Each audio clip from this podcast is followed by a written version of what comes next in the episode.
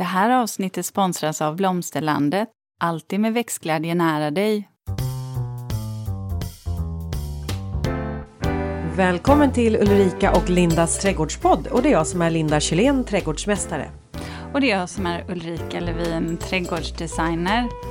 Dagens avsnitt, kära lyssnare, kommer vi viga åt en väldigt speciell växtperenn, nämligen pioner. Pioner är väl, jag tycker nästan att de är som mytomspunna. Ja, men det är de.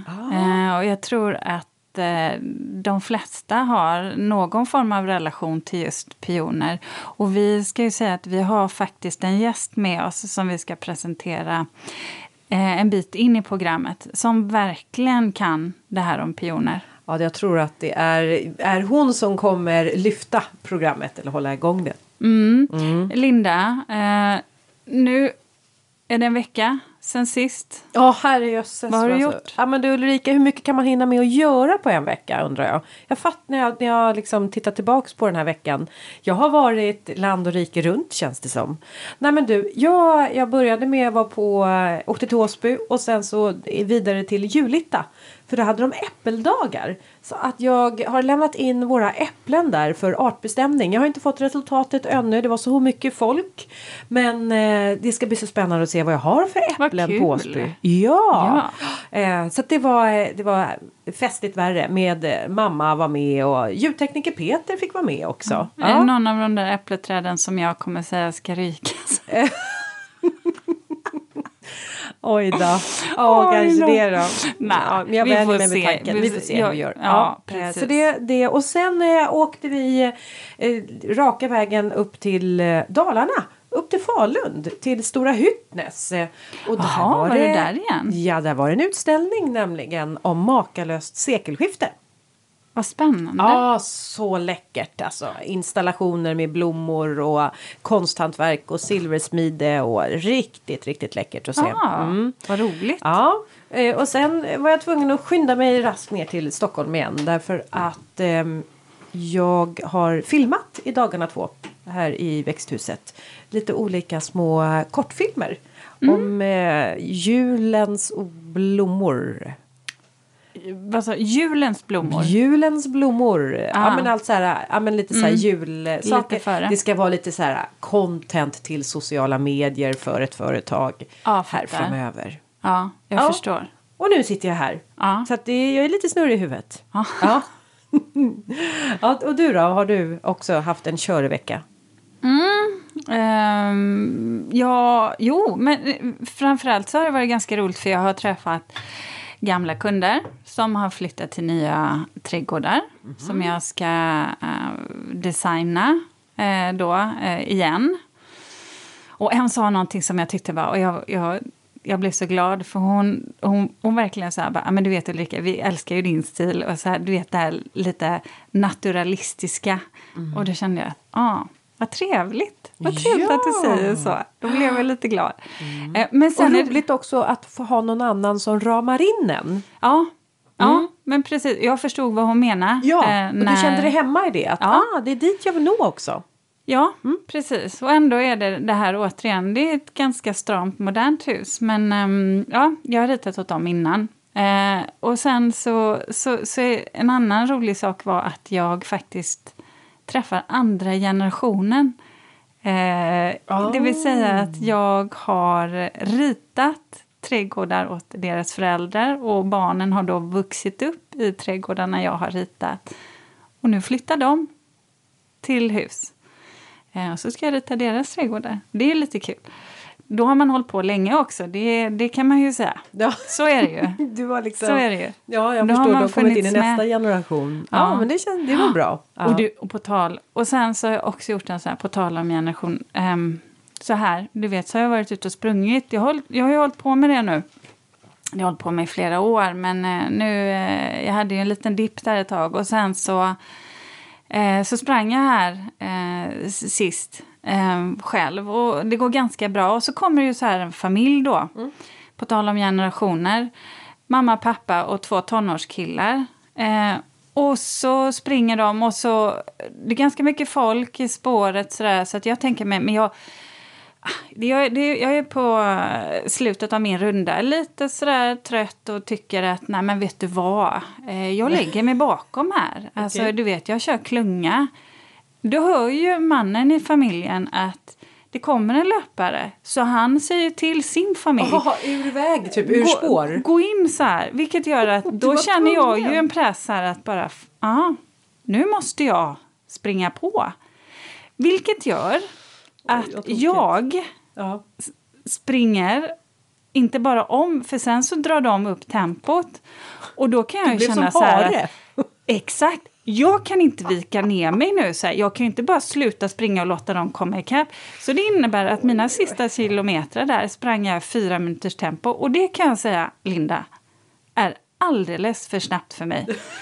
Så du vet, jag bara tänkte så här, ah, jag älgar på. Det var väldigt roligt för jag kände att jag kunde komma upp och jag kunde hålla det tempot. Så att eh, det, det var ändå bra. Men herregud, om man hade lyssnat på min andning där efteråt när jag kom av spåret där. Det var...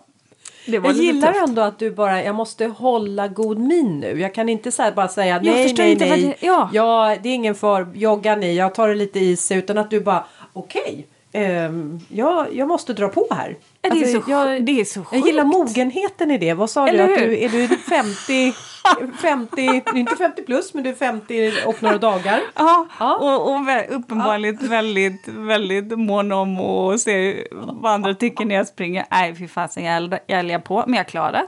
Du klarat? Det, Ja. gick, det gick undan. Du gick men i mål. Jag kan säga så här, jag är inte en löpare som springer milen på 40. Det gör jag inte. Nej, Nej. den insikten. Ja, nej, jag, jag, jag, är, jag håller ju inte på alls med sånt. Nej, det, det är ganska snabbt. Mm. Mm, så. Mm, Om man skulle Oj, jag köra nästan andfådd av att bara höra dig prata Du om bara allt det här. sluta prata. Ja, Men hörni, ja. eh, eller hörni, Ja. jo, vet ni vad? Nu hälsar vi dig välkommen, Helena Söderman från Piontorpet. Det här är ju ditt Instakonto och, och, och Facebook-konto också. För du är, ju, du är ju egentligen växtsamlare, Helena, men som har specialiserat sig på pioner. Och du föreläser om det här och du har också försäljning både av fröer och plantor. Eh, så jag vill bara säga varmt välkommen till programmet. Tackar, tackar. Jättekul att få vara här och prata pioner med er. Ja, alltså, och du är ju så vacker. Du, eh, nu måste vi be- beskriva Helena här. För du, är, du strålar som en, en riktigt blomstrande pion. Både eh, blomman... Helena har en vacker blomma i håret på ett diadem. Och så vackra blommor här på axlarna på din tunika. Pioner Det- såklart. Pioner, Pioner pioner. såklart alltså. Ja, du utstrålar pion.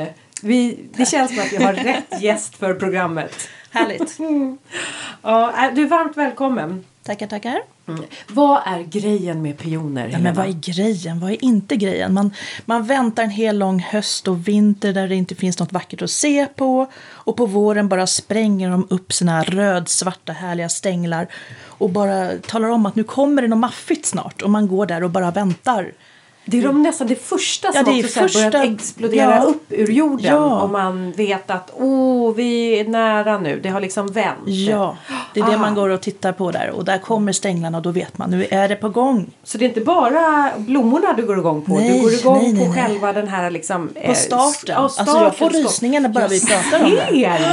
men Pionens wow. år är så långt. Och det är så många som inte förstår. Man tror att det är en veckas blomning på sommaren. Exakt. Nej, nej, det där var spännande att du säger så, för att d- så säger min man. Exakt så. Han tycker, han tycker faktiskt pioner är ganska värdelösa.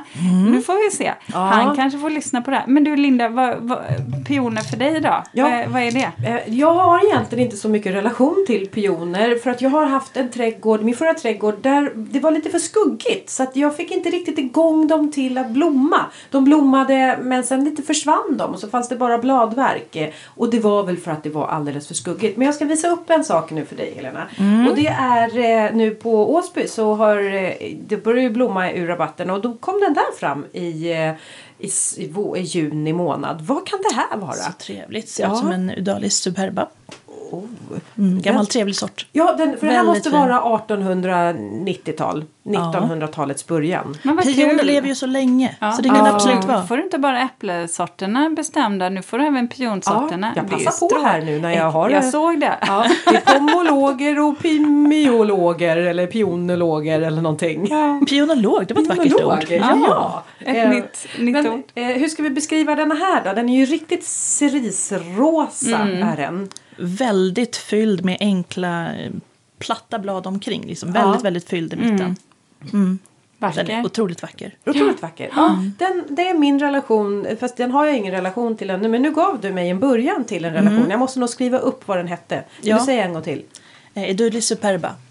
Mm, det är därför Jag kan du skriva det till dig sen. jag. Mm, Ja, är bättre att ta det. Ja, Så kan vi lägga ut det också. Ja, kan du bilden. påminna om det? För jag är så dålig på att komma I ihåg att lägga ut bilder. Mm. Och så vet jag att vi har lyssnare som blir väldigt besvikna på oss. Ja, ja, nej men det gör jag. Eh, men du, din då Ulrika? Har du några pioner i din trädgård? Eh, ja, Det måste du ha, har jag. Jag har ju en gammal trädgård från 32 så det fanns ju pioner. Så dels har jag några gamla sorter. Framförallt har jag en vit sort som är eh, väldigt så här skålformad eh, och som doftar magiskt.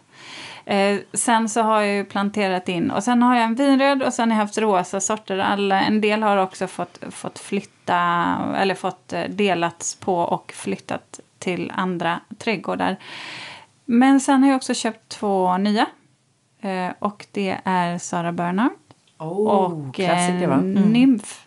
Som jag är, som är en av mina favoritpioner. Sen jobbar jag ju en del med pioner. Jag tror att den som jag använder med mest av, bara för att den är vit och doftar gott, det är Duchess de Nemours. Mm. Den är härlig. Ganska senblommad också. Ja, Nymf då? Vad är det för någon? Den är en rosa mer enkel. Så att där ser man ju faktiskt um, ståndarna, alltså den här knappen i. Men den är, vet du vad jag gillar med den? Dels, jag gillar ju rosa. Eh, men sen är den också väldigt regntålig. Mm. Och, och det tycker jag är en bra egenskap eh, hos en pion också. Så att den, när de väl blommar, att de bara inte blir förstörda av ett skyfall. Jätte, jättefin också tillsammans med tidig, alltså så här försommarblommande perenner som stjärnflocka och jag har Sarah Bernhardt. Har jag, ja. ja. vi kommer till lite så förslag sen om samplanteringar. Då har jag några. Ja, då har du några. Men, Då gud, några ja, men nu har vi redan namedroppat fyra olika pioner och vi har bara börjat. Ja. Eh, Helena, jag, vill inte, jag tänker inte ens ställa frågan har du några pioner? Det har du ju. Men Ja, hur många stycken. pioner och vilka? Och berätta om din Oj, trädgård. oj, oj, jag slutade räkna när de var 450 olika sorter. Då tänkte jag att oj vad lång listan blev, det här var lite pinsamt. Så, och folk frågar hur många har, nej några stycken sådär. Men Så. har du en eller två trädgårdar? Ehm, jag försöker ha en, men det är Ja. svårt. Man måste ju odla lite här och där där det finns plats. Så två just nu, men en ska det bli. Så Mm. jag flyttar ju pionerna därifrån så att de kommer till samma ställe. Men, men kan du faktiskt, när man har så många, kan du namnen på alla eller sätter du ut alltså etiketter? Jag har satt ut etiketter men de tar gärna fåglarna hand om. Så att, eh, det gäller att hålla det i huvudet och så har jag faktiskt gjort lite fuskkarta. Ja, men jag tänker för att Ja. jag känner igen det där att det är väldigt, väldigt lätt att blanda ihop sen. När Ja. man får många av en sort. Ja. Men jag har inga dubbletter. Jag är noga med det. Utan jag har bara en av varje. Jag har ju så trångt om plats så jag kan bara ha en av varje. Det är trångt ändå. Eh, men det är jätteroligt också när man får, det är många som hör av sig och, och frågar just om pionsorterna och vad de har. Och jag har pionmuseum också där jag får pioner skickade till mig. Där folk vill att jag ska ta hand om den för de kanske ska flytta till lägenhet. Eh, några äldre damer som har skickat i flera omgångar. De vill att pionen ska bevaras och sen vet de ibland inte vad de har. Då får jag en delning av en pion, driver upp den och kan jämföra med vad jag har. Det är också jätteintressant. Så pionmuseet är inte inrättat med de här 450 pionerna. För det är en separat grej. Liksom. Det är Så en alltså. separat samling. Men du, eh, om inte jag kommer ihåg helt fel så finns det också en genbank på Julita. Eller vad är det? har de inte så på Julita? Ja, på sätt och vis. Eh, Det kan man nästan kalla genbank. För de har en, en rejält stor samling. Ja. Eh, många pioner. Och det är främst örtartade men även några arter och några buskpioner. Mm, och vi ska, komma, vi ska komma in lite på vad som skiljer de olika sorterna Ja. åt. Men nu nämnde jag ju några eh, som jag har min egen trädgård. Jag jobbar ju med många fler eh, i mitt yrke. Men om jag ställer nog kanske den svåraste frågan av alla till dig.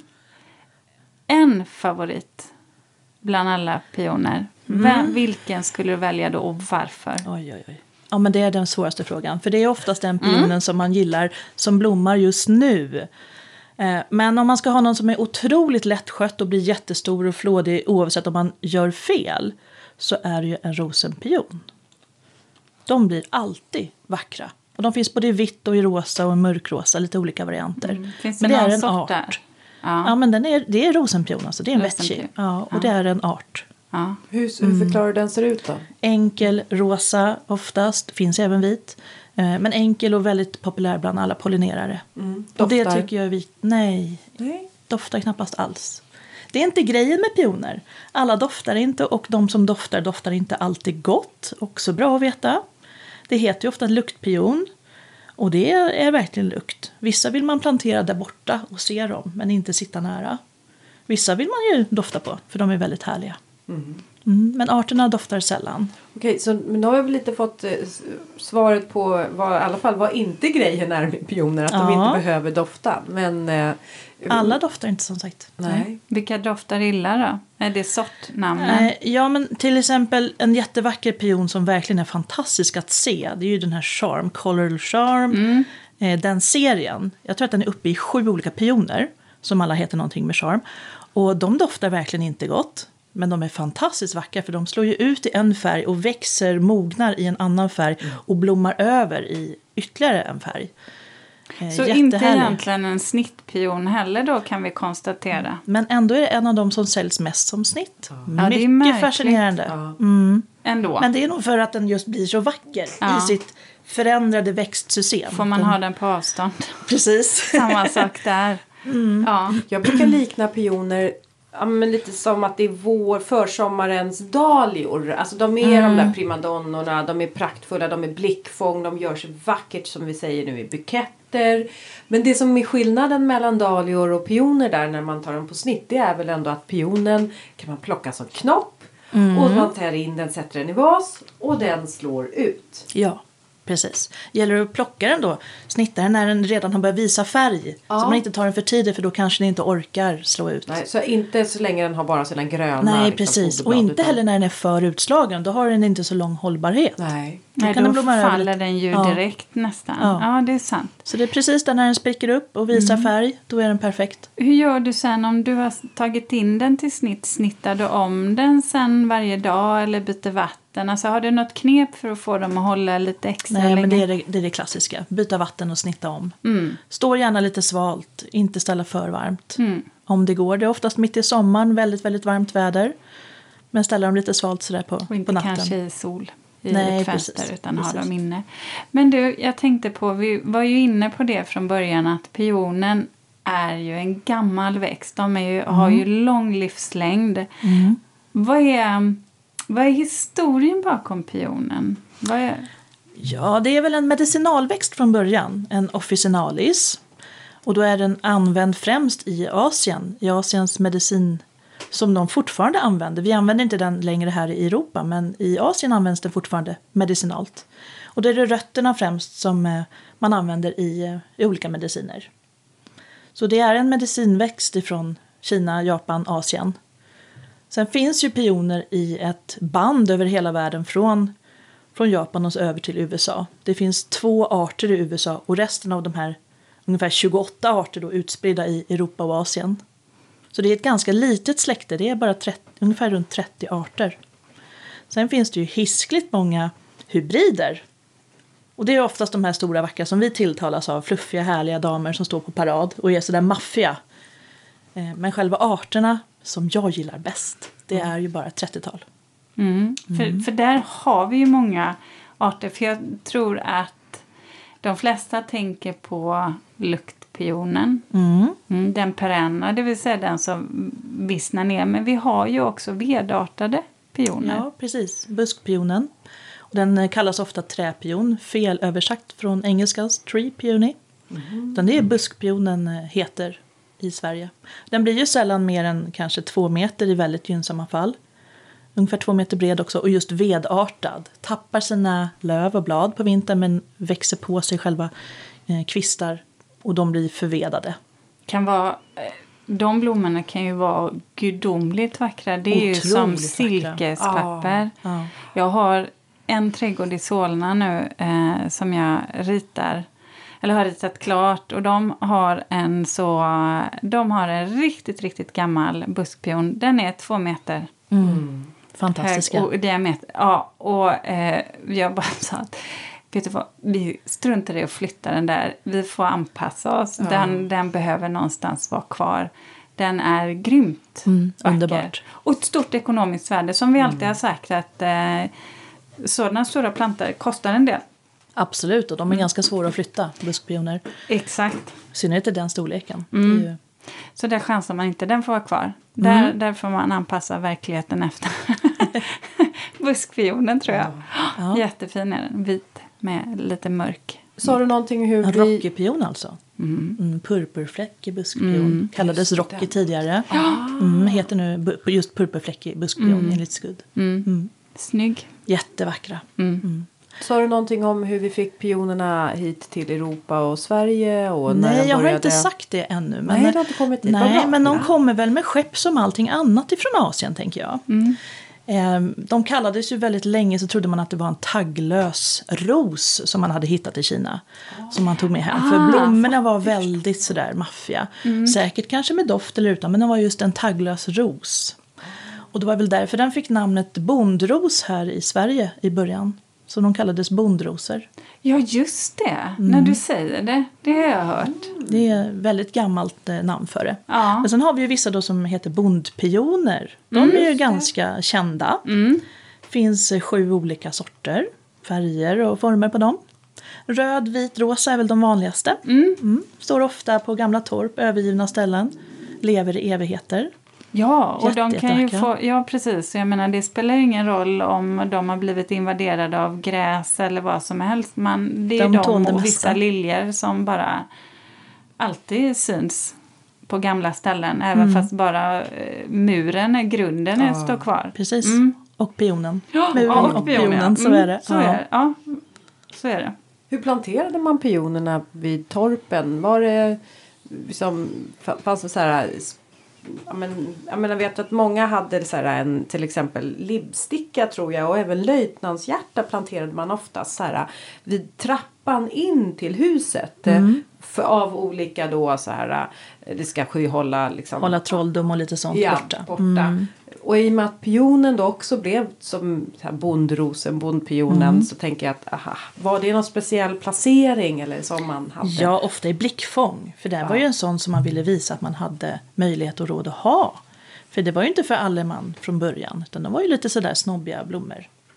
Eh, framförallt kanske med Asiens rykte, där var det ju bara kejsardömen och sånt som fick ha pionerna. Det var ju inte för vanligt folk. Finns det någon som heter kejsarpion? Kanske. det, nej, det är inte som, som heter just kejsarpion. Men eh, röda pioner det är ju väldigt, väldigt strikt. Det är ju bara så kejsarfärger. Eh, men det var mycket striktare där än vad det var här. Här är det väl ofta så att man fick med sig kanske en delning när man flyttade från eh, sina föräldrar eller föräldrahemmet. För det fick vi i alla fall min gammelfarmor när hon flyttade och satte bo med min gammelfarfar. Då fick hon med sig tre pionrötter som någon kunde plantera utanför torpet. Och det var ju på 1800-talets mitt. Och när jag hittade dem, då hade ju de stått där oskötta och överväxta och, och sådär. Ingen som hade lagt ner någon kärlek på de pionerna. Men de var ju jätte, jättefina och de har jag ju kvar fortfarande och vårdar. Det är kul med den här historien. Levande länkar till Ja, historien, ja. din släkthistoria. Ja, för min farmor gick ju bort eh, långt innan, gammelfarmor gick ju bort långt innan jag föddes. Så det var lite spännande att de ändå hade levt och frodats alla åren däremellan. Ja. Ja. Mm. Åh, vad intressant. Men du, svavelpion. Och det är en jättevacker, en art. En eh, oftast eh, gul svavel, mjukt svavelgul är ju det man åtrår. Man kan fröså dem. Och de är inte färgäkta. Det tycker jag är spännande. För fröså är de så kan jag få vilka färger som helst. Jag kan få en, en vit eller en rosa eller en kombination av det. Jag har rosa Jättesvårt för en design. Ja. När man ska färgmatcha. Ja. Lite stressande, men då får man plantera en som redan har blommat för den behåller ju sin färg. Men just när man ska fröså dem så vet man ju inte vad det blir Nej. riktigt. Annars är Så- den, den där eh, svavelgula, den är ju den är riktigt, riktigt fin. Den är fin. Och öppen och Ja. jättepopulär också. Bland, den är ju väldigt tidig, Ja. svavelpionen. Mm. Så pollinerarna är ju där och är jättelyckliga över att Ja. hitta allt eh, smarr som de hittar där i. Mm. Men det var också en av de första pionerna som jag lade märke till när man satte sig in lite mer i växter. Eh, f- för jag tycker den är så fin i sin färg. Den är så... Um, på tal om gult, men det är faktiskt en väldigt vacker pion. Jag tänker på bladverket också. Ja. Den är ju helt annorlunda än de flesta andra pioner. För vi, vi pratar ju oftast pioner, de här örtartade med Mm. sitt eh, mellanljusgröna bladverk. Men svavelpionen har ju grå, grågrönt bladverk. Mm. Ja. Och lite, lite ludet kan det vara på de här arterna. Så kan man se att de har som små hårstrån på baksidan av bladen. Jättevackert i sig. Så då sitter man ju lite nördig och vänder på bladen och kollar läget sådär. Och, I synnerhet när man är hos folk som vill att man ska tala om vad de har i, i rabatten. Då går man och vänder på bladen och blommorna och kollar stånder och pistiller, hur många de är och man ska räkna och allt för att just kunna bestämma om det är en äkta eller om det är en mm, avart. Och det var ju det som vi pratade om just det med mer blekgult eller gult just tillsammans med silvriga nyanser när vi haft våra färgavsnitt. Eh, och sedan kan man ha något mörkgrönt. Det är galet fint faktiskt. Mm, det är jättesnyggt. Ja, bra färgkombo. När vi pratar om bladverk, om jag säger dillpion. Oj, vad häftigt. Oj. ja, men den är ju fantastisk. Den är ju helt annorlunda än alla andra pioner. För den är verkligen som en knippedill med Ja. fantastiska blommor på. Den är ju jättespeciell. Också en art, väldigt tidig. Eh, och den finns ju i rött, riktigt så här lysande rött. Den finns som dubbelröd. Och det är ju som en fylld nejlika nästan sådär tjusig. Och sen finns det ju som rosa, väldigt svår att hitta. Och en vit som är stört omöjlig att hitta. Mm. Men dillpionens bladverk är ju väldigt speciell. Just att den är Ja. så tidig och så, så tunn, så otroligt tunn. Att den klarar av att hålla uppe Ja, pionen där uppe också. Precis. Mm. Men jag tänker om vi, om vi går in lite på, eh, på fördjupningen här eh, när det gäller pioner. Om man ska prata om hur man om du vet, sköter, alltså hur man ska plantera pioner. Vi brukar, eller vi, jag brukar prata mycket om CC-avstånd och sådär. Eh, det vill säga avstånd mellan plantorna. Och det här, det här kommer ju bero på vilken pion vi pratar om. Mm.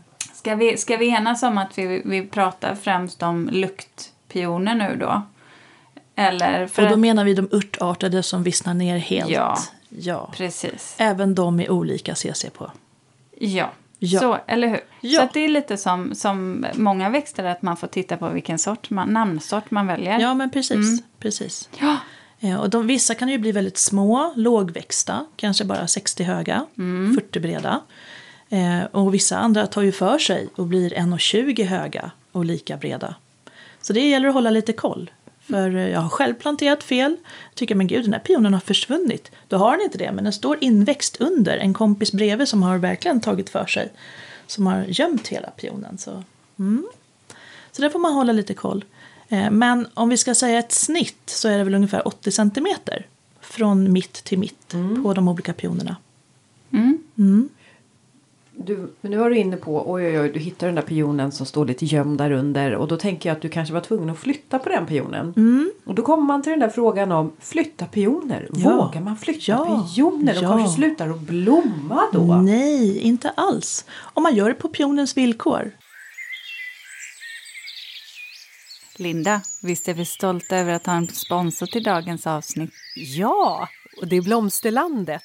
En trädgårdsbutik nära dig med butiker över hela landet och en e-handel som är öppen dygnet runt. Välkommen! Och vilket är villkoren? Villkoren är att man gör det helst, om det går, på hösten.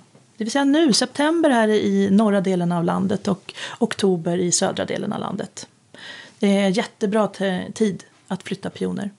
Eh, bladverket börjar alltså, skrumpna ihop, lägga sig, vissna. Så de förbereder sig för vintern. Men det finns fortfarande möjlighet att etablera sig på nya växtstället. Så det är väldigt, väldigt bra tid att flytta dem nu. Och då tar jag med så mycket av jordklumpen som möjligt för att inte störa de fina små vita sugrötterna. De är nästan helt okända för när man ser pioner så pratar man om rötterna, de ser ut som ett, ett kluster av morötter nästan. Tjocka korvar. Och det är ju de som man tror är rötterna. Ja, men de behöver ha sina vita små trådar också. Sugrötterna, det är de som gör det viktiga jobbet.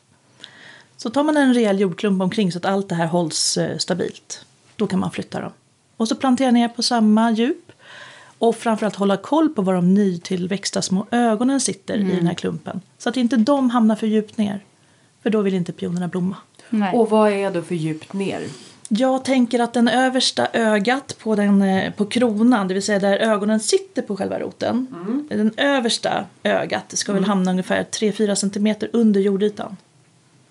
Inte så himla djupt ner alls. Okej. Mm, det brukar vara ganska lagom. 3-4 centimeter under Mm. jorden. Man brukar, jag tror att det brukar sägas i snitt max 5 cm jord på den. Men eh, ofta sitter ju ögonen på lite olika höjd så man Ja. håller koll där. Den, den översta brukar jag gå på då. 3-4 cm. För då brukar man hamna rätt. Också en likhet mellan dahlior då? då Ja, precis. säga. Och det är ju samma sak när man planterar när man har en krukodlad pion. Alltså, Låt den sitta så som den sitter i krukan så är man ju på samma Hemma. nivå. Så är man ju hemma. Ja, det funkar oftast ganska bra.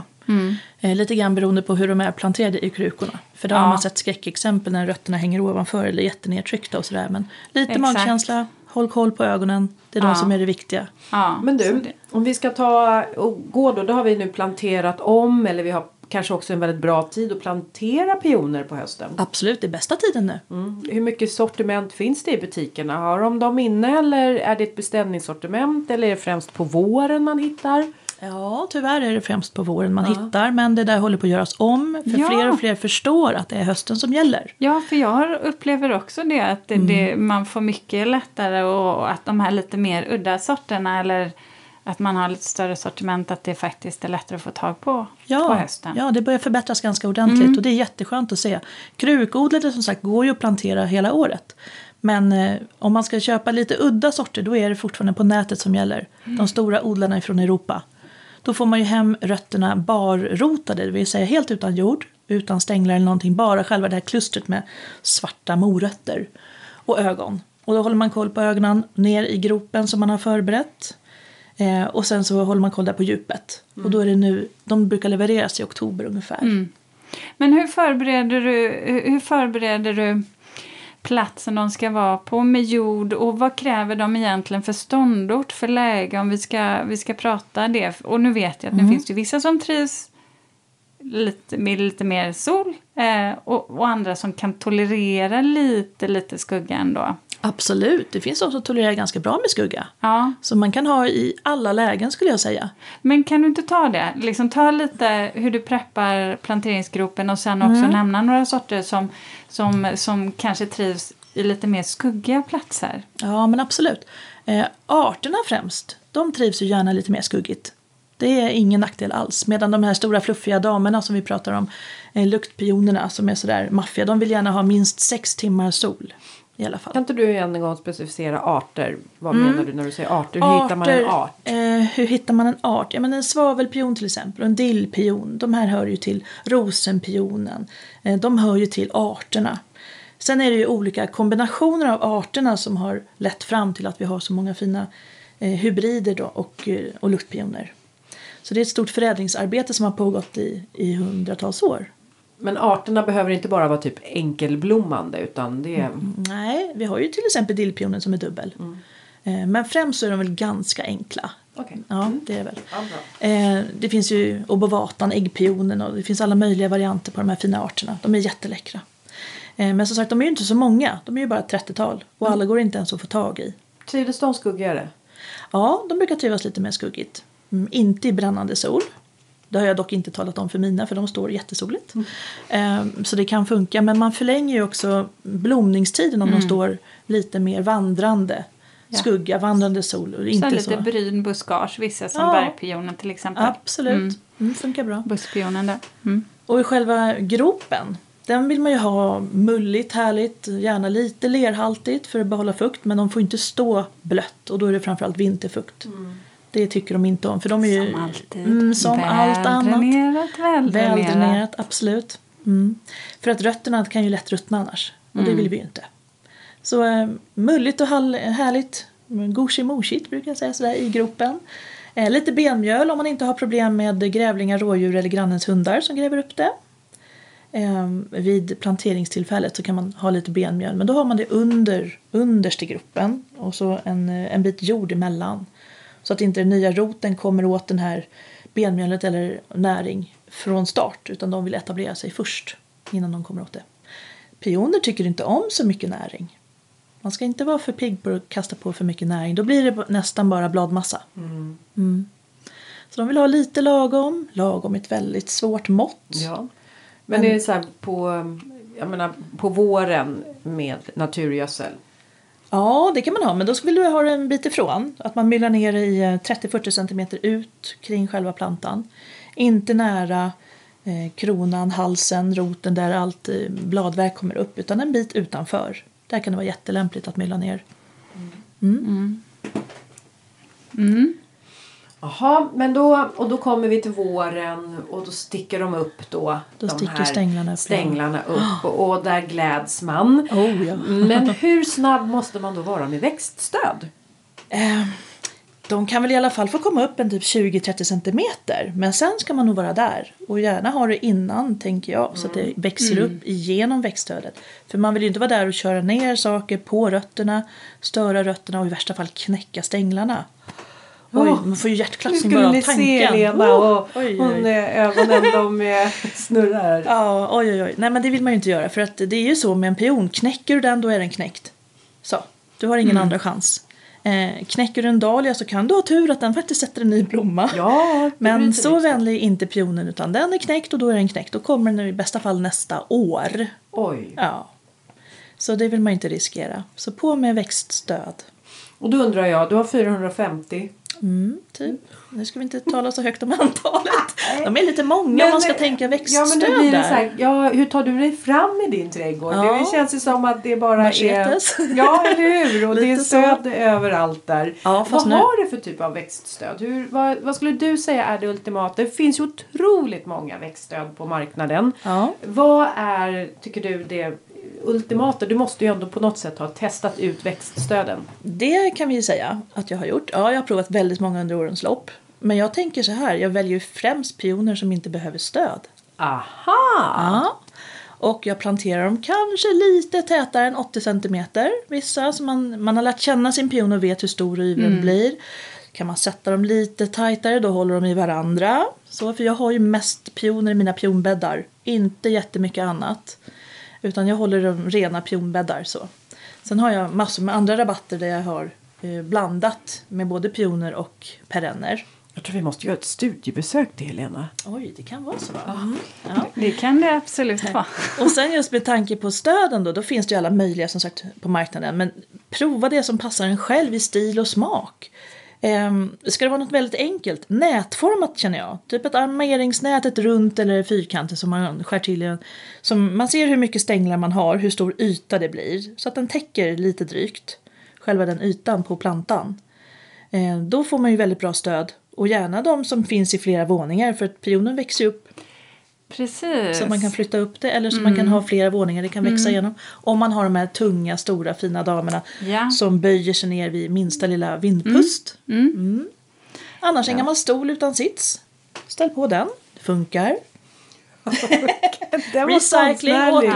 Ja. Ja, men det Ja. finns alla. Man behöver Ja. inte låsa sig vid att det måste vara ett specialtillverkat pionstöd. Utan eh, mm, think outside the box. Jag gillar också de här stöden som man, när man bara tar liksom kvistar och bara böjer ner dem och Ja. flätar till det. Man sätter ner liksom Precis. i bara så att det blir Och de pil. funkar ju på lite lägre pioner tänker jag. Men de här som är 1,40-1,20 höga då behöver Ja. väldigt höga bågar. Ja. Och likaså hö- höga stolar. Så att Ja, då är det bra att kunna anpassa. får Ja, inte. exakt. Ja. Sen har man dem med perenner. Eh, andra perenner som är lite stadigare som till exempel en kransveronika. som man får ha i bakkanten eller de som blir lite mer stabila. Då håller de också pionen ganska bra faktiskt. Men det är som du säger, har man de här riktigt tunga blommorna då behöver man, det är nästan omöjligt att ha dem utan någon form av stöd för de viker ner sig på en gång. Gammal klassiker i nästan alla gamla trädgårdar det är ju de här trästötterna. Så man har en träram. Det Ja. ser man ju nästan alla pioner ha. Den kan man ju anpassa i den höjden man har beroende på vilken pion man har. Om man är låg så gör man en låg ställning. Eh, Så det Precis. funkar ju också. Jag gillar, jag eh, är mest förtjust i, i stålvarianter just av den anledningen eller? att ja, de blir ju det eftersom stål har en, är kraftigare, de tål. Man kan gå ner i dimension eh, men får ändå stabiliteten så att det kan jag föredra ändå faktiskt. Men framförallt eh, de här eh, lite enklare varianten som ser mer ut som buskstöd med två liksom stål med en halvcirkel så här runt. De är absolut, de har ju säkert sin, de har ju sin funktion men de kan jag ibland tycka blir lite så här tokigt när man kommer lite för sent och ska stötta sin pion för då blir det, då tappar de ju sin naturliga växtsätt. Ja. Så man vill ju helst att vara där och stötta innan de Ja. blir för tunga och rasar och bara ah! Det trevligaste är att man får växtstödet att växa in i pionen så att den knappast syns. Det tycker jag är jättemysigt. Det är ju det, det, då är vi, snackar vi optimalt. Ja, Ja, och det är där jag tänker när de börjar komma upp på våren. När i tid man bör kanske sätta det. Alltså vara medveten om att eh, vara beredd med att ett växtstöd måste på plats. Och sen kan det ju också vara med växtstöden att det är ju ett sätt att presentera. Här står pionen. Så Ja. man kommer ihåg det. Man kanske glömmer bort den här från år till år. Kan det stå, Ja. om, om det är ett permanent växtstöd så hemma hos mig så får de stå kvar. Absolut. Det är Absolut. överhuvudtaget inga problem. Så behöver man inte ens fundera på det. Det här är ju någonting som är intressant också när vi pratar om eh, pionens livscykel. Eh, de här pionerna, om vi tittar på pioner som då är örtartade, eller om vi tar luktpionerna. Eh, när brukar du rensa det gamla nedvissna? Eh, Och fröställningarna, brukar du låta dem vara kvar? Oj, två spännande frågor på en gång. Jag tror vi måste börja med fröställningarna då eftersom har man klippt så är de adjö.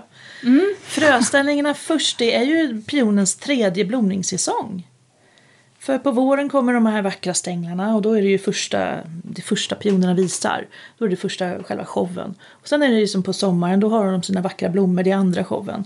Tredje showen är ju nu med vackra höstfärger på bladen och alla pionställningar, alltså fröställningarna. De är fantastiska. Så de Jag kan de ser ut ju- som så här, vad heter det, gycklar? Ja, gycklarmössor. Precis. Gycklarmössor, Ja, ja, ja, de är jättehäftiga. Och det finns ju både stora och små. Eh, Men de vill man ju njuta av eh, så länge man kan. Och det är ju nu som de är som finast. Och det är inte så att de snor då en massa energi som man egentligen vill samla ner till rotsystemet? Jo, det också. Så här får Aha. man göra en liten avvägning. Vill man titta på något vackert eller vill man stärka pionens rotsystem? Man kan ju göra lite av varje. Man behöver inte spara alla fröställningar på en pion. Man kan ju spara ett par stycken om man bara vill se hur fina de är. Man kan eh, sen klippa av dem såklart. Eh, men vill man ta frön och fröså så måste man ju låta fröna mogna på plantan i sin balja. I fröbaljan tills den själv spricker upp. För pionen har ett oerhört sent fertilitetssystem. Så de blir inte fertila fröna förrän alldeles, alldeles innan fröbaljan spricker upp. Och de Ja. har så här glansiga Glansiga fina frön. frön. Ja. Mm. Ja, så I olika ibland- färger. Ja. Svarta, bruna, beigea, blåa, röda. Eh, och just som vi nämnde svavelpionen, de har ju blåsvarta och röda samtidigt. Wow. Och då gäller det att se skillnad på vilket som är vilket där. För de, de röda är ju bara fejkfrön. De gror ju inte. Varför har man fejkfrön? För att locka dit fåglar så att de sätter i sig det där och sprider de svarta fröna vidare. Där svavelpionen vill fortsätta att växa. Nej men nu kom det med något spännande kuriosa här Jajamensan, tycker så jag. funkar de. Ja. Vilka luringar! Mm. Men de är otroligt vackra när man ser fröplantan när själva fröställningen slår ut. Och det är fullt med röda och svarta frön i samma. Jättetjusiga. Wow. De är väldigt färgglada. Annars är de ju bruna och svarta och beigea i olika Hur, toner. om man nu vill då prova sig på att föröka en pion då med frö. Mm. Hur mycket tålamod ska man ha då? Ja, ungefär sju år. Ja. Ja. Från när man sätter fröet och så växer ju själva rotsystemet de första två åren brukar man säga. Så det växer neråt, man ser ingenting direkt uppåt. Sen kommer bladen uppåt och så ungefär fem år om man har hisklig tur. Men annars brukar man räkna på ett snitt på sju år innan första blomman kommer. Och vad, vad har man dem då? Alltså i, inomhus eller alltså hur? Nej, ute i trädgården så får Moder Natur sköta jobbet. Ja. Ja. Och Jag är även en lat du- trädgårdsmästare så jag låter Moder Natur sköta det där. Du är smart trädgårdsmästare. Smart, ja absolut. Eh, jag har ju lärt mig av dig. Så. Ja, just det. ja, ja, Ja, ja. Mm. Eh, Så en kruka med, eh, med jord som inte är alltför näringsrik. I med fröna, på med lite grus så att det håller eh, dels fukten och dels att ingen kan komma dit och några fåglar så plocka fröna. Jag lägger ju även på kompostgaller för jag har väldigt hungriga fåglar hos mig. Sen låter jag de här krukorna stå ute. I en pallkrage eller nere i trädgården någonstans. Och så får de bara sköta sig själva. Sen kommer det upp vackra plantor. Men det tar några år som sagt.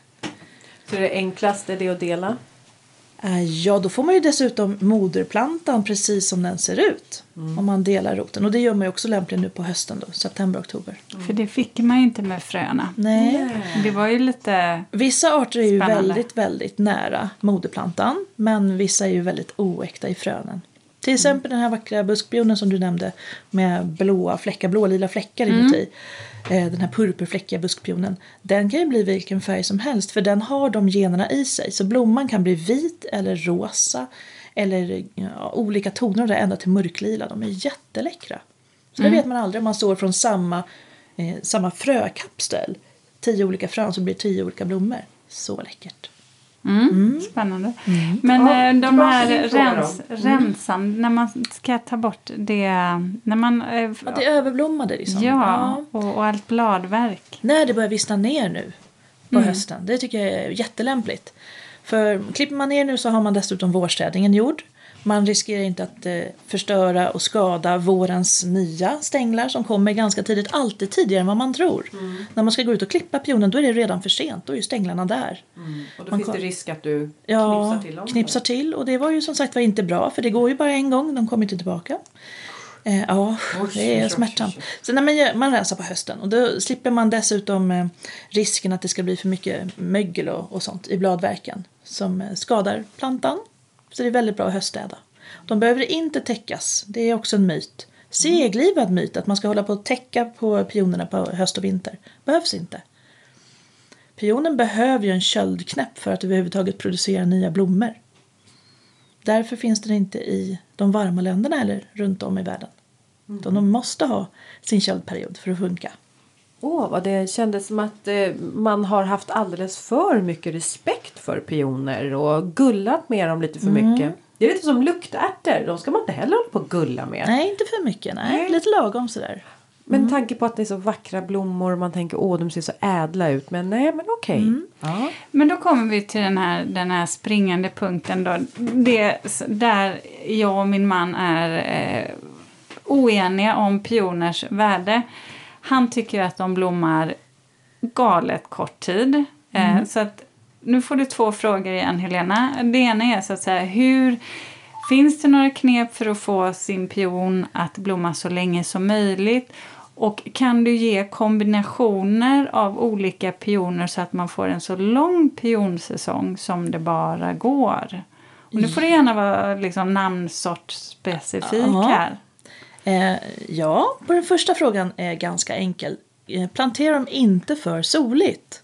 Utan låt dem stå verkligen lite skuggigt, gärna vandrande sol, vandrande skugga. Det förlänger perioden. Inte heller för blåsigt. Blommorna blåser sönder, då faller de också tidigare. Och går att skydda dem från störtskurar så är det ju bra.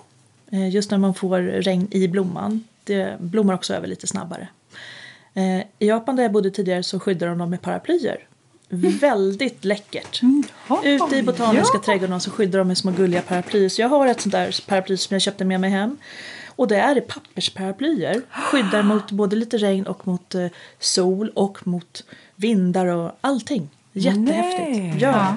Så det är ett bra tips. Paraplyer i trädgården. Ja, s- vad, vad dekorativt Ja, jag. jättefint. Det. Jättefint. Ja. Men, Men det- också väldigt typiskt japanskt kändes som. Jag Ja. tänker på de här, du vet när trädgårdsmästarna går i mossmatta med typ pincetter och, och rycker grässtrån. Det, det är ju... um, Man Det är inte ser så på trädgård, robust. nej, och man Nej, ser på trädgård på ädelt. ett annat sätt. Väldigt ädelt. Ja. Otroligt läckert. Och tuktat. Men vill man då sprida blomningstiden med hjälp av olika sorter så gäller det att välja tidigblommande, mellantidig, eh, mellan överhuvudtaget, mellan sen, sen. Så, så man har olika sorter så då kan man ju ha blomning, jag har i alla fall i 10-12 veckor varje år, blomningsperiod. Och då, eh, det, 10-12 ja men veckor. 10-12 veckor det vet jag är jätteläckert. Det Alltså, börjar om jag blå. räknar rätt så är det nästan tre månader. Ja, absolut. Det börjar redan i maj och fortsätter långt in i juli. Hos mig, och då är det ju mitten på Sverige, zon 4 ungefär har vi 3-4. Så då är det ju de här svavelpion, dillpion, eh, herrgårdspion, de här som tittar upp väldigt fort. Rosenpion är lite medel på det. Ehm, och sen går vi över då till hybrider och luktpioner. De kommer ju i mellanperioden och vissa av dem är väldigt sena. Till exempel Duchesse de Moors. Den är ju vit och tillhör de senare. Elsa Sass likaså. Det är oftast senblommande jag får frågan om. Om man vill förlänga säsongen. Och Elsa Sass är också väldigt fin senblommande vit, härlig. Bondpionerna självklart. Både de röda, vita och rosa. Eh, de är ju väldigt både stabila plantor och håller väldigt länge i blomningen inom varje planta tänker jag. Eh, så det brukar vara väldigt populärt. Och sen så är ju Sara Banan väldigt klassisk. Sen, medelsen skulle jag säga. Vad pratar vi om när den är sen? Rosa, Slutet på juni då eller? Ja, eller juni, av juli, nästan skulle Ja. jag säga. Och då pratar vi fortfarande här, zon 3-4 där Ja, någonstans. vi befinner oss i Stockholm. Ja. Zon 2. Eh, ja, fast det beror på var du är någonstans. Nej, fyra. Ja. Du kan ha allt från zon 2 till 4. Exakt. Helt rätt. Helt Så rätt. att eh, Stockholm är stort också. Eh, och det beror på så individuellt. På en tomt kan man ha olika zoner också. Så det är också bra att tänka på. Sätter man bakom i skugga, bakom huset eller framme på en stekhet gräsmatta. Det Så skiljer ju också. parasoll på som är vindskyddat. Ja, exakt, exakt så är Ja, det. men då kommer de. Ja. Med, vad är de sena då? Nej men det är de här som jag nämnde nästan först. Det är Duchesse Nemours och eh, Elsa Sass till exempel. De är bland de sista Det verkligen. är de att sista. blomma. Ja. Och sen är det färdigt. Mm, ja, oftast. Oftast. Ja. Eh, buskpionerna där, de ligger ju väldigt, väldigt tidigt också. Om vi pratar buskpioner. Men sen finns det ju en pionsort vi inte ens har nämnt idag. Itopionerna. Vad sa Förlåt. Itopionen. Itopionen. Mm, vad är det för något? Känner vi inte ens till. Känner ni inte ens till? Spännande. Då ska med vi... blicken. Titta inte på mig. Titta oj, inte på mig. Eh, då ska vi ta det väldigt snabbt. Det är ju en, eh, en korsning av buskpion och urtartad pion. Jaha. Som inte går att... eh, De, de går inte att skapa naturligt. Det är som en halvbuske. Ja, precis. Eh, Men det var en japan som lyckades med detta i början på 1900-talet. Han eh, förädlade, förädlade, förädlade. Till slut fick han fram korsning av just buskpion och urtartad pion. Och de kallades då itopioner. Han fick fram åtta stycken jättefina eh, gula buskar. Men han hann aldrig se dem själv för han gick bort alldeles innan de började blomma. Sju år. Men, ja, precis. Men hans, eh, hans anhöriga, eh, frun och barnen, såg storheten i det här verket. Att han hade lyckats med det som naturen inte lyckas med. Så hon tog hand om allt det här och det var en amerikan som köpte upp alltihopa av den här familjen och har drivit det vidare. Så där kom också de första gula pionerna eh, i förädling. Annars är det bara svavelpionen som är Jag, jag var tvungen att googla. De var ju... De är fantastiska färger. De släpper bladet på vintern såklart men de växer också på sig vedartat. Så det är en kombo. De vissnar inte helt ner. Ja, jag har hittat en till dig, Linda. Som Har jag tror. det? Ja, en sån Oj, jag har hittat många till dig. Canary. Briljant. Ja, ja, ja, visst är den väl fin? Ja. Den kommer du älska. Ja. Ja. Alltså jag... Den jag du- vi får se. Nu ska vi Med, se. med kanske tulpanlabelle Hillary. på. Ja, lite Lollipop. aprikos. Oj, oj. eh, Gul, varm. Och för det var faktiskt en fråga som jag hade här. Just det, om du hade något förslag på lite aprikosgula sorter. Men Mm, eh, det har jag. En lång lista kan jag prestera. Eh, men titta gärna på Ito-pionerna då. För de har just de varma färgerna i sig. Mm, lite speciellt. ja, verkligen. Men jag tänkte Linda, eh, vi skulle ju komma tillbaka till det här. Eh, bra, bra sorter, Ja. som, alltså kom, kombinationer med växter. Ja. Vad, vad har du där? Du, jo, jag... Alltså det här... Jag skulle nog säga så här, när jag blev knockad av pionen för första gången. Det var för ja, lite över tio år sedan. Jag var i London, jag var på Chelsea Flower Show på en av de här show gardens, visningsträdgårdarna. Och där var det en trädgård som hade, nu ska vi se, Buckeye Bell. Mm, och mörkt blodröd. Mörkt blodröd. Oj, ja. oj, oj, så tjusig. Tillsammans med en eh, fänkål, Giant Bronze.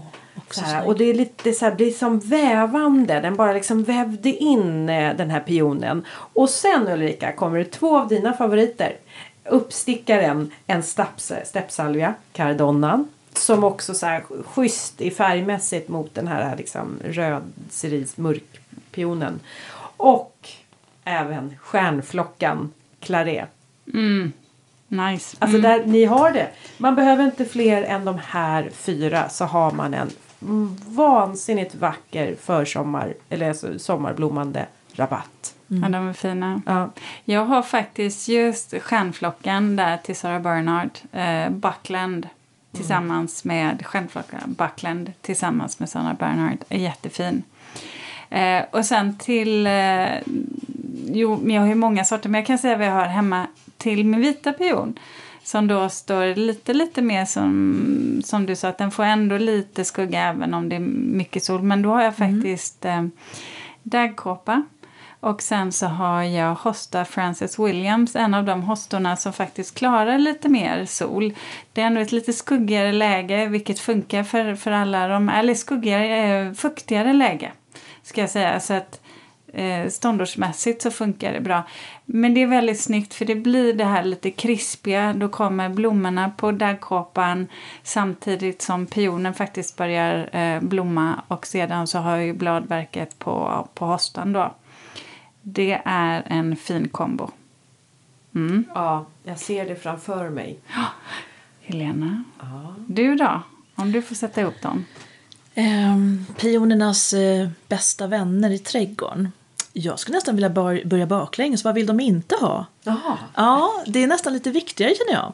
De vill inte ha kompisar med för kraftiga rotsystem som väver sig in i deras egna rötter. Eller blommor som behöver tas upp och delas stup i kvarten så man ska störa. Störa. Ja, men precis. Ja. Eh, vad kan vi tänka oss? Höstanemoner, de här irisar som växer som man ska dela stup i kvarten och där. Inte jättekul kanske. Ehm, men annars så funkar ju det allra mesta.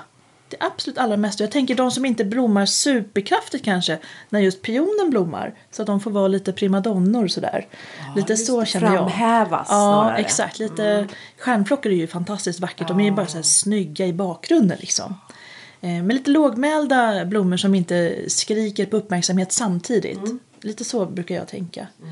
Eh, Och där är ju tycke och smak jättemycket såklart. Och var någonstans man har möjlighet att plantera, alltså vilka zoner och så vidare.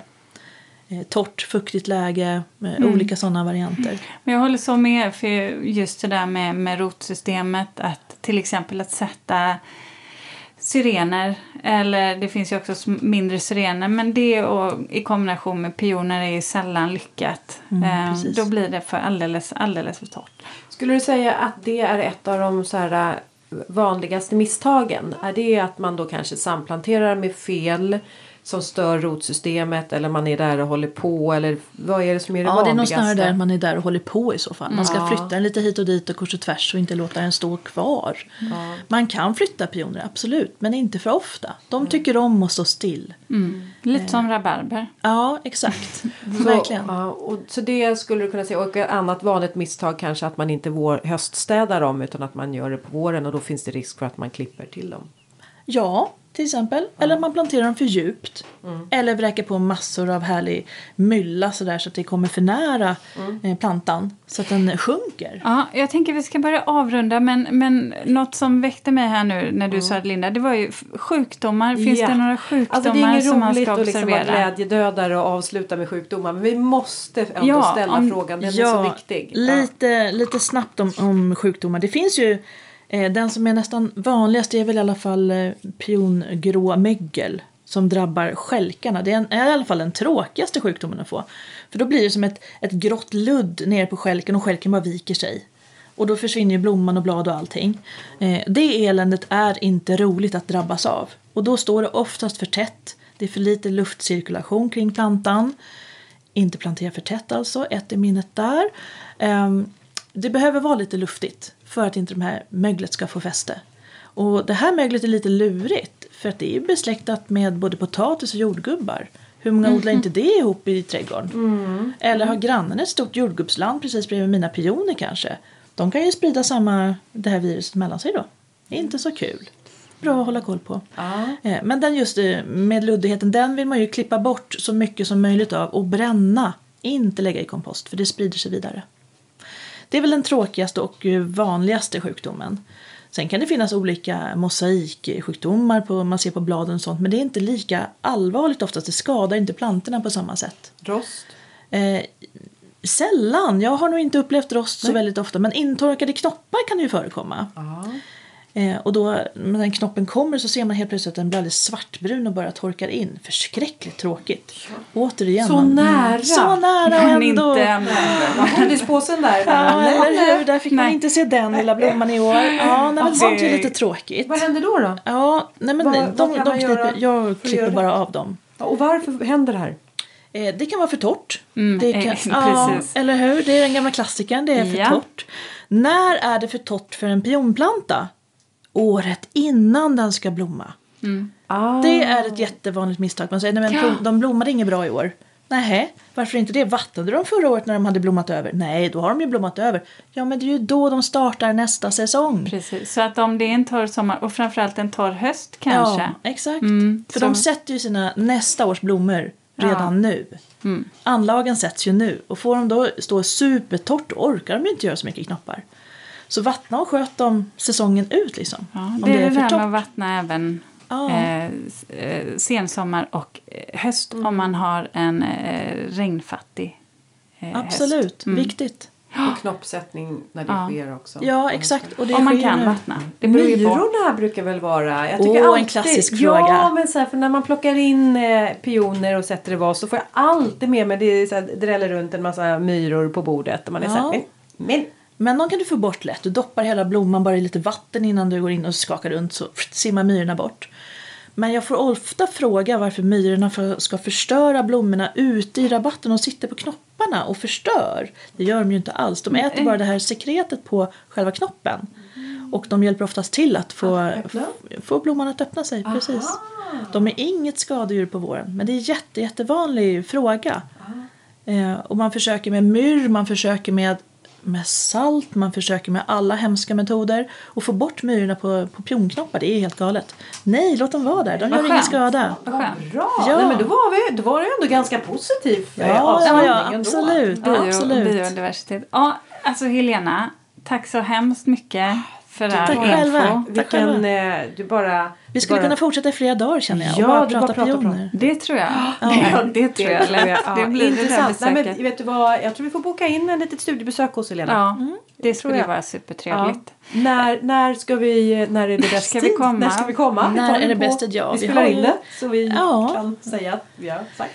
Ja, ja, vår försommar, vi får väl höra som saken. Ja, är det juni eller är det maj? Ja, det börjar redan i Herregud, maj. hör du att hon fiskar efter datum Jag redan hör det. nu? Ja, Eh, du 14 hör maj slog första pionen Ja. ut i år. 14 maj. 14 maj. Och den sista då? Eh, ja, det var i mitten på juli där någon gång. Så jag Vi ska hade komma när 12 det är veckor. crescendo, Lena. Ja, crescendo Ja. ska vi komma. Det beror ju på det. vad man vill se. Buskpioner eller de här eh, itohybriderna som ofta är ganska sena. Oh, alltså, det ito finns, vill vi se. Ja, det finns lite av varje. Ah. Det löser vi. Ja, men Det alltså. löser vi. Tack Helena. Ja, du slå upp någon tältplats. Ni får bo i min trädgård i tre månader och följa varje plantas utveckling. Ja, då tror jag min rygg går sönder, men visst, absolut. Men sinnet, det mår bra då. Ja. Linda, Ja. har du några reflektioner? Ja, jag har, jag har en liten kort re- reflektion. Nu har vi sagt tack med väldigt mycket här. Och någonting som jag har reflekterat över det är just att tack och vara tacksam. Jag har nämligen, det har jag inte sagt till dig kanske, men jag har börjat på yoga. Driver du med mig? Nej, det gör jag inte. Nej, vad roligt! Ja, Nej, det har du inte sagt än. Har du gått och, och, och hållit för dig själv? Ja, jag har inte riktigt varit säker på om det här var min sak så jag tänkte att jag håller tyst om det Nej, tills jag vet att Linda jag blir Kjellén. Ja! Berätta! Jag har börjat på yoga. En dag i veckan så går jag på yoga. Och jag har signat upp mig på åtta tillfällen. Ja, jag har redan kommit en bit på vägen. Jag är inne på mitt eh, fjärde här nu så jag har kommit halvvägs. Eh, Gruppyoga. Ja, gruppyoga. Mm. Och det här är lite speciell typ av yoga för det handlar väldigt mycket om, eller speciell typ, men det handlar väldigt mycket om att det, så här, blunda, det gör väl all yoga liksom, blunda, gå in i sig själv och sen så liksom komma ner i varv och, och andning såklart. Och jag har lärt mig så många nya saker, jag har lärt mig att man kan kroppsgäspa. Ja, alltså så andas in djupt och andas ut sen och liksom ah, sådär. Och, ehm, men det jag vill komma till det är på slutet av varje pass då ska man liksom säga som något litet mantra, så här, ge sig själv. Och då kan det vara just att, ja, men så här, att man, man kanske duger som man är, man gör sitt allra bästa, man är liksom bra så. Och eh, man ska ju tro på det där man säger också. Men någonting som man säger att det är också att man ska vara liksom, ja, men så här, tacksam. Att man är tacksam för allt det här man får uppleva i livet. Och man är tacksam för att man liksom, ja men får vara, ja men ändå liksom allt som kommer till en. Och, och jag har liksom så här tyst sagt, ja men om tacksamhet. Sen har det plötsligt blivit så här att jag har, det har kommit till mig att jag lite titt som tätt har pratat och sagt åh jag är så tacksam för det här och jag tack för det. Alltså någonting vad som har hänt är att det har blivit mycket jag, jag vet inte, det för till någon form av vänlighet känner jag. Jag tillför vänlighet i livet på ett annat sätt. Och kanske också lite mera pau, alltså lugn, själslig i kropp och och jättespännande. Jag har fyra gånger kvar på min eh, yoga. Så att, eh, förutom att lära mig andas och kroppsgäspa och tacksamhet så får vi se vad som kommer ut mer.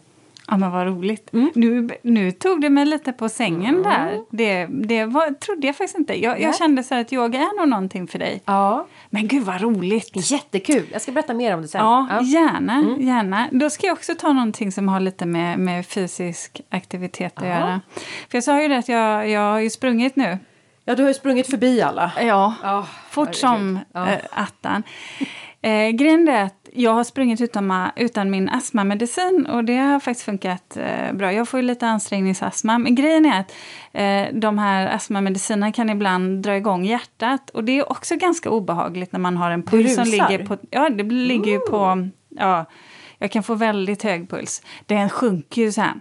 Så det är ju inte kvarvarande. Men det kan vara lite obehagligt. Och så tänker jag så här, jag har ingen svår astma, jag testar utan. Och det funkar faktiskt väldigt bra. För blir det för mycket så här med hjärtat så är det ju så där att, ah, du vet, då behöver man gå in och kolla och sen läkare, säger man att det är någonting med hjärtat vi har hjärtfel i släkten. Nu har jag ett jättefint hjärta för det så måste de då på har de kollat. Jo men de kan de inte inte göra det. Du vet, har du någon liten förändring på ett EKG sen tidigare, ja då måste man kolla och så här. Och då blir det så här, då ska man göra såna arbetsprov, Linda. Mhm. Har du gjort det? Nej, Arbetsprov för hjärtat? Nej men jag har gjort okej. andra arbetsprover. Ja. Konstutbildningar, men... Eh, inte med hjärtat. Då ska jag måla en bild, för det var inte så länge sedan jag gjorde det då. Jag har gjort det så här två gånger då. Och så då eh, ja, men i alla fall, det är så här, man sitter på en motionscykel och då har man ju så att säga, man är ju bara på överkroppen och så har man massor med elektroder som sitter fast på kroppen och även nere vid fötterna då.